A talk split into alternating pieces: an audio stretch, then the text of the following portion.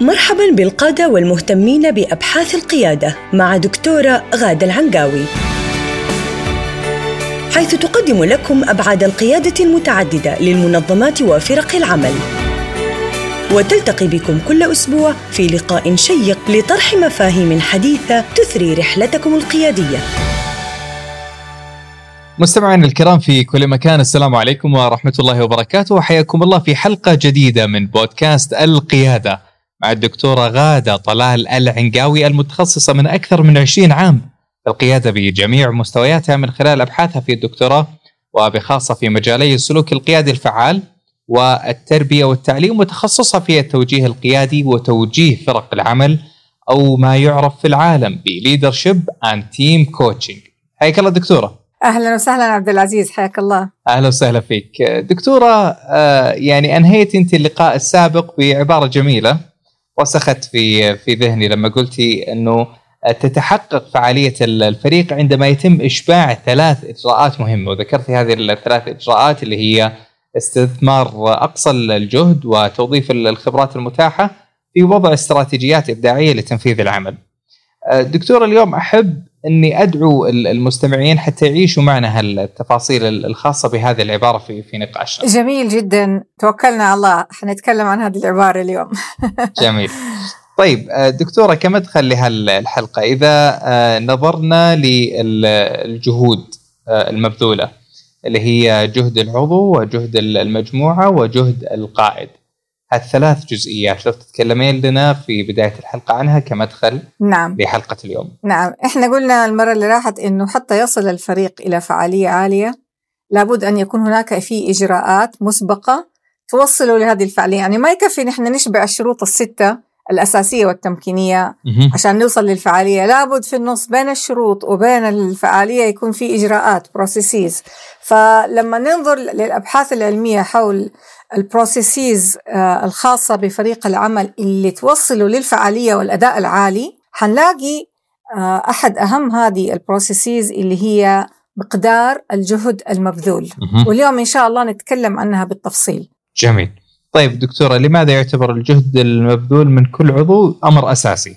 إذا أهم سؤال وأنت بتطرحه الآن إيش هو الجهد المبذول اللي يبذله العضو والمجموعة والقائد؟ هل يضع الأعضاء جهد عالي في تحقيق الغاية المحفزة للفريق؟ هل يسعى الفريق مع بعضه together بتعاضد وتكامل إلى أنه يرفع جهده الجماعي للوصول إلى هذه الغاية؟ وهل يبني الفريق الالتزام الكامل المشترك لرفع الأداء بالكامل مع بعض بنية واحدة مقصد واحد فهذه الكلمات اللي أنا قلتها لما انت تسمعها تفكر تقول بس في أعضاء في الفريق ما هم معانا في الخط. وفي نفس الصفحة في ناس في عالم آخر أو القائد شكله مشغول أو فتطلع الأشياء دي. فاليوم مشان نتكلم عنها. صح. مثلا أنا أنا حبدأ صراحة بمثال واقعي حقيقي عشته في فريق عمل مبيعات. هم ما هم هم ما بيبيعوا بنفسهم هم سوبرفايزرز يعني هم قيادين وتحت كل واحد في مجموعة من المجموعه كبيرة يعني. هم فريق فرق. وال manager حقهم اللي هو القائد الأعلى دعاني إلى عمل team coaching معاهم جميل. ولكن كان في أحد القادة في هذا الفريق آه شوية ما هو في نفس الصفحة. مو شوية كثير. طيب. وطبعا أحد أهم مسؤولياتي والتعاقد اللي بيني وبين هذه المنظمة إني أقدم ال coaching مو بس للفريق وإنما أيضا للقائد ولأعضاء الفريق وهذه أفضل معادلة ممكن تعملها في ال team coaching إنك أنت تعطي الخدمة للجميع نعم. حتى ما يصير في شيء ناقص أو شيء أو أو الجهد المبذول في team coaching ما يكون متكامل لما يكون الأعضاء ما هم ما يعرفوا إيش ال team coaching وما يعرفوا إيش ال coaching أصلا وعندهم مشاكلهم الخاصة وبيناقشوها وال coach ما هو available لهم. فإحنا هذا التوجيه من 360 درجة. 300 من كل الجوانب. فكان هذا الشخص بالذات وأنا جلست معاهم واحد واحد وعملت لهم coaching قبل ال team coaching وبعده كنت أعمل قبل ال engagement وبعدها. فهذا الشخص بالذات صرح لي في جلساته ما عملنا جلسات كثير يمكن جلستين قبل ال team coaching وكنا بعد كل team coaching نعمل جلسة. قال أنا جديد هنا لي كم شهر. والحقيقة حاسس إني أنا ماني fitting in يعني ماني مش داخل مع الفريق مش منسجم. مش متد... أيوه منسجم هذه الكلمة. قلت له طيب إيش الخيارات المتاحة لك؟ قال أنا آه، بدور على وظيفة تانية. في في المنظمة نفسها يبغى ينقل department ثاني أها. تماما يغير يروح من المبيعات إلى عالم آخر. قلت له بس هذا التغيير radical يعني كبير وأنت يعني شخص ناجح وال record حقك ناجح في قال هناك الفريق جديد والقائد جديد وحبدأ بداية fresh جديدة مم. أنا طبعا ك coach سمعته ما قلت له شيء قلت له فكر في خياراتك وكملنا ال session حقنا بس لما رحت جلست مع القائد قلت له الشخص هذا بالذات محتاج إلى دعم كبير حتى يصير في اندماج عالي مع الفريق. والدعم هذا ما حيجي مني أنا ك coach لوحدي لابد أنت أيضا كقائد إنك أنت تمارس دور الكوتش وتسمع له وتخليه يعني يعبر عن القلق اللي هو عايشه آه، في الفترة هذه اللي هو فيها هو حاسس إنه هو ديسكونكتد مع الفريق ما هو ما هو متواصل معهم بشكل قوي أو. غير مرحب به أو ممكن يكون في نظرة له من أحد الأعضاء غير آه، ترحيبية وفعلا جلست طيب مع دكتورة خل... خليني أوقف شوي معك في هالجزئية. تصرفك أنت إنه توجهتي من هذا ال- ال- الشخص إلى إلى قائده. هنا قد يكون يعني سلاح ذو حدين أما أنه يكون القائد متفهم وفعلا يعني يقود ال- الأمر إلى بر الأمان نعم أو أحيانا قد يكون في تحدي إنه القائد يحط الشخص هذا في في باله يعني إيش معنى أيوة فلان. كذا اللي هو بالذات على نعم. راسه ريشة مثلا لا هو اللي حصل طبعا أنا يمكن أهملت إني أنا أقول إنه قبل ال ال الاتفاقية التعاقد الأساسي لل coaching لل team coaching.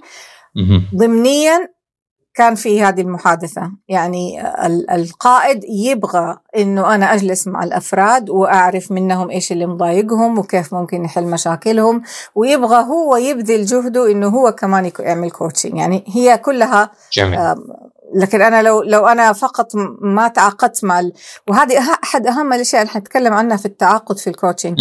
إنك أنت لازم تتعاقد مو بس مع العميل اللي أنت بتعمل له ال coaching في المنظمة أنت لازم تتعاقد مع المنظمة وتتعاقد مع القائد اللي مسؤول عن هذا العميل جميل. وتتعاقد معهم بحيث إنك تتفق على ال- الهدف الأساسي من ال coaching وإيش الآلية وإيش ال involvement حقتهم إلى أي حد هم حيكونوا involved في أشياء حيقول لي هي هذا الشخص داخل ال- السياق ال coaching ما حطلعها ابدا لقائده. وهو يقول لي يقول لي أنا هذا الشيء ما أبغى يطلع. وفي أشياء هو عارف إني أنا في الكوميونيكيشن بشتغل معهم ككل. فالإذن المسبق موجود. مم. فالمهم نرجع للموضوع تاني إنه هذا الشخص كان آه يعني في عنده مشكلة مع الباقيين. أنا جلست مع كل واحد على حدة وفهمت وعرفت إنه عنده مشكلة. أنا الصراحه ما تكلمت معاهم عنه. هم فتحوا وهم تكلموا. كل واحد لوحده في ال confidentiality حقت ال session. ولا رحت قلت للقائد إيش هم قالوا. خلاص هذه هذه ال agreement الآن إنه في شيء في مم. لكن اللي حصل إنه لما كل شخص اتكلم عن ال worries حقته وناقشها معايا وضع حل لها وخرج من ال session وهو عنده approach مع هذا الشخص اللي الصعب. جميل. فبعد مرور أسبوعين من هذه المحادثات أنا عملت المحادثات يعني في confidentiality وفي intimacy عالية. وخلاص وكل واحد راح في حاله وانشغلنا كل واحد راح في شغله. بس هم ما راح منهم هم خرجوا من ال sessions بحلول. فراحوا وجلسوا مع القائد مع كل معاه كل واحد لوحده من غير ما يتفقوا وفتحوا الحوار والتواصل وقووا العلاقة بينهم. فلما جلسنا في ال team coaching بعدها بأسبوعين ثلاثة الموضوع اختلف. الراجل صار متفائل ويبتسم ويمزح. بعدين جلست معه بعدها لقيت إنه هو اندمج وغير رأيه وبطل من آه، النقلة هذه ما هو صاحبنا. الراديكالي على قولتك يس فأنت أحيانا نرجع لموضوع الجهد المبذول. ترى يعني الناس اللي معاك انت تحكم عليهم كقائد بأحكام معينة وتقول هذا مقصر وهذا ثقيل دم وهذا ما هو حاطط جهده ولا حاطط. أحيانا يكون عندهم issues أو قضايا ليس لها علاقة بالجهد المبذول لكنها توقف الجهد المبذول. مم. فأنت وظيفتك كقائد إنك أنت تفتح وتتكلم وتخليهم يعبروا عن نفسهم عن مشكلاتهم وتسمع لهم. وتكون sounding board يعني لا تديهم حلول وهم بيتكلموا هم حيجيبوا الحلول. مم. وهذا اللي أنا أعلمه للقادة إنه كيف أنت تكون القائد ال coach الموجه لكل جميل. عضو من الأعضاء.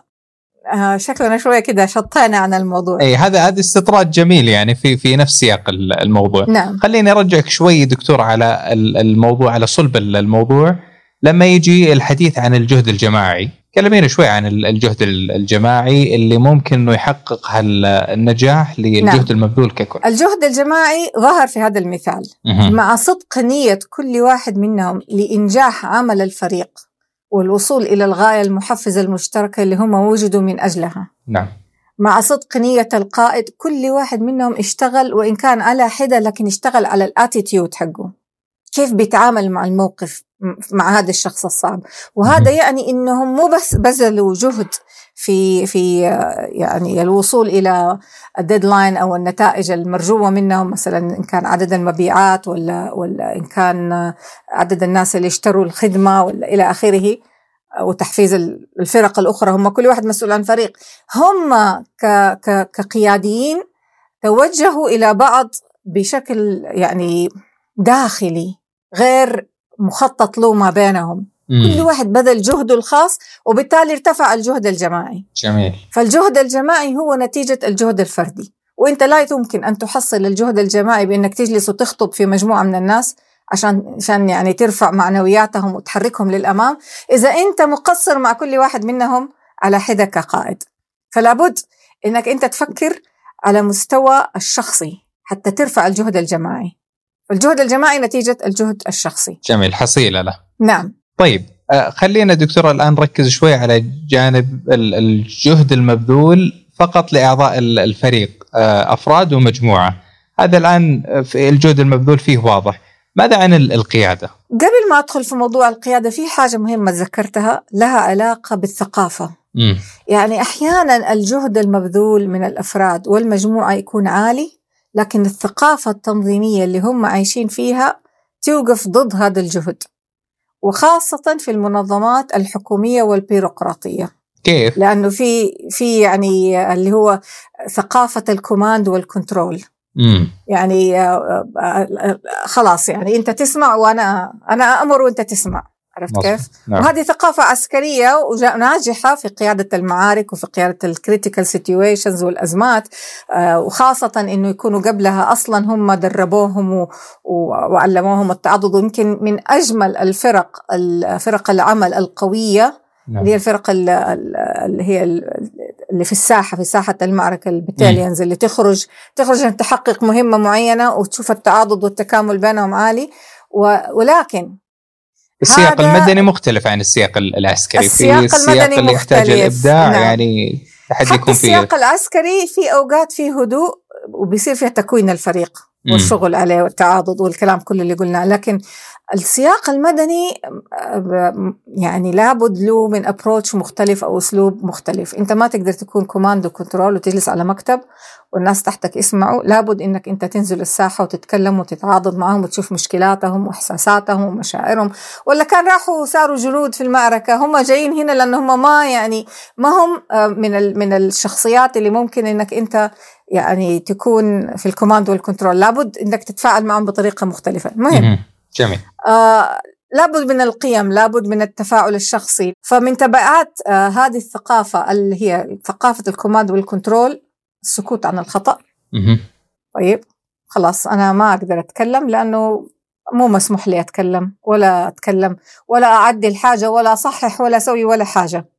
أنا حسوي بس اللي ينقل لي. عرفت كيف؟ فالشخص العضو في الفريق آه، تربى على هذه الثقافة. وترى هذه الثقافة موجودة في بيوتنا أيضا. صحيح الأب بيعمل command و control على على الجميع فلا الإبن يقدر يتكلم ولا يعبر عن مشاعره وبالتالي لما يدخل المهنة حيدخل بنفس الثقافة اللي هو عاشها في المنزل. ويعيش الناس فيها فأنت حتى تغير الثقافة دي لازم تدرك إنه لها تبعات السكوت عن الخطأ وتبريره حتى لما يصير خطأ من أحد يتحيزوا له عشان ما يخسروه العلاقة أهم من ال من ال من, ال من الإنتاج. أنا ما بخسر زميلي وأروح أتكلم معاه. عن الخطأ حقه وأجرح مشاعره أو أخسر القائد وأروح أقول له أو أخسر أو أو إذا كان الموضوع يتطلب قيادة عليا أنا ما حتكلم. نعم. ليش؟ لأنه يا أخي ما يصير يعني إحراج. مم. العلاقة مهمة. فهذه خطيرة جدا وموجودة عندنا في ثقافتنا العربية اللي هي المحاباة وتبرير الخطأ الآخرين والتحيز لهم. والتعصب للقبيلة والتعصب للمجموعة والتعصب لقريبي. هذه كلها حتضيع الجهد المبذول للأفراد وللمجموعة في هذه الثقافة. ففي أيضا تبعيات أخرى. البروز. أنا كيف أطلع وأبرز إذا أنا حأعمل مشكلة مع الآخرين وأتكلم معاهم وأحل المشكلة هذه؟ أنا حسكت وخليني كده شماعة مزينة وملمعة ومعلقة على الجدار. وبلاش يعني خلي أحد تاني يجي ينظف. عرفت كيف؟ أنا أنا أنا خليني كده يعني حتى أنا أجيب أحد تاني يخليه ينظف وأنا ساكت ما أتكلم. فهذه برضو آه، يعني آه، رغبة شخصية إني أنا أكون ملمع نظيف ما عندي احتكاكات. وهدفها الأساسي إن أنا أكون آه، الايجوستيك اللي هو الشخصي. جانب الذات على على حساب الأنا على حساب المجموعة وعلى حساب المصلحة العامة والتنظيم وأخلاقيات العمل ومصلحة الدولة ومصلحة كل شيء. إني أنا أكون ملمع. طيب فهذه من التبعيات حقت هذه الثقافة. وأحيانا تكون سوء فهم لمهارات الاتصال. يعني أنا ممكن أسكت عن الخطأ أو أتحابى أو أتغاضى علشان ما أبغى زعل القائد بعدين يزعل مني بعدين علاقتنا تصير وحشة عرفت كيف؟ أنا أو إني ما أعرف كيف أتكلم فهذه كلها موجودة في ثقافتنا ولازم نحطها في الاعتبار إن هي تعرقل الجهد الفردي والجهد الجماعي فلا بد على القائد أن يقوم بإزالتها والتغلب عليها آه، في في قيادته. جميل. طيب دكتورة خليني أختم معك بجزئية أخيرة يعني سابقا كان الحكماء العرب في مجالسهم وفي الأماكن التجمعات آه، يقول صاحب المجلس لأحد مثلا زوارة تحدث حتى أراك.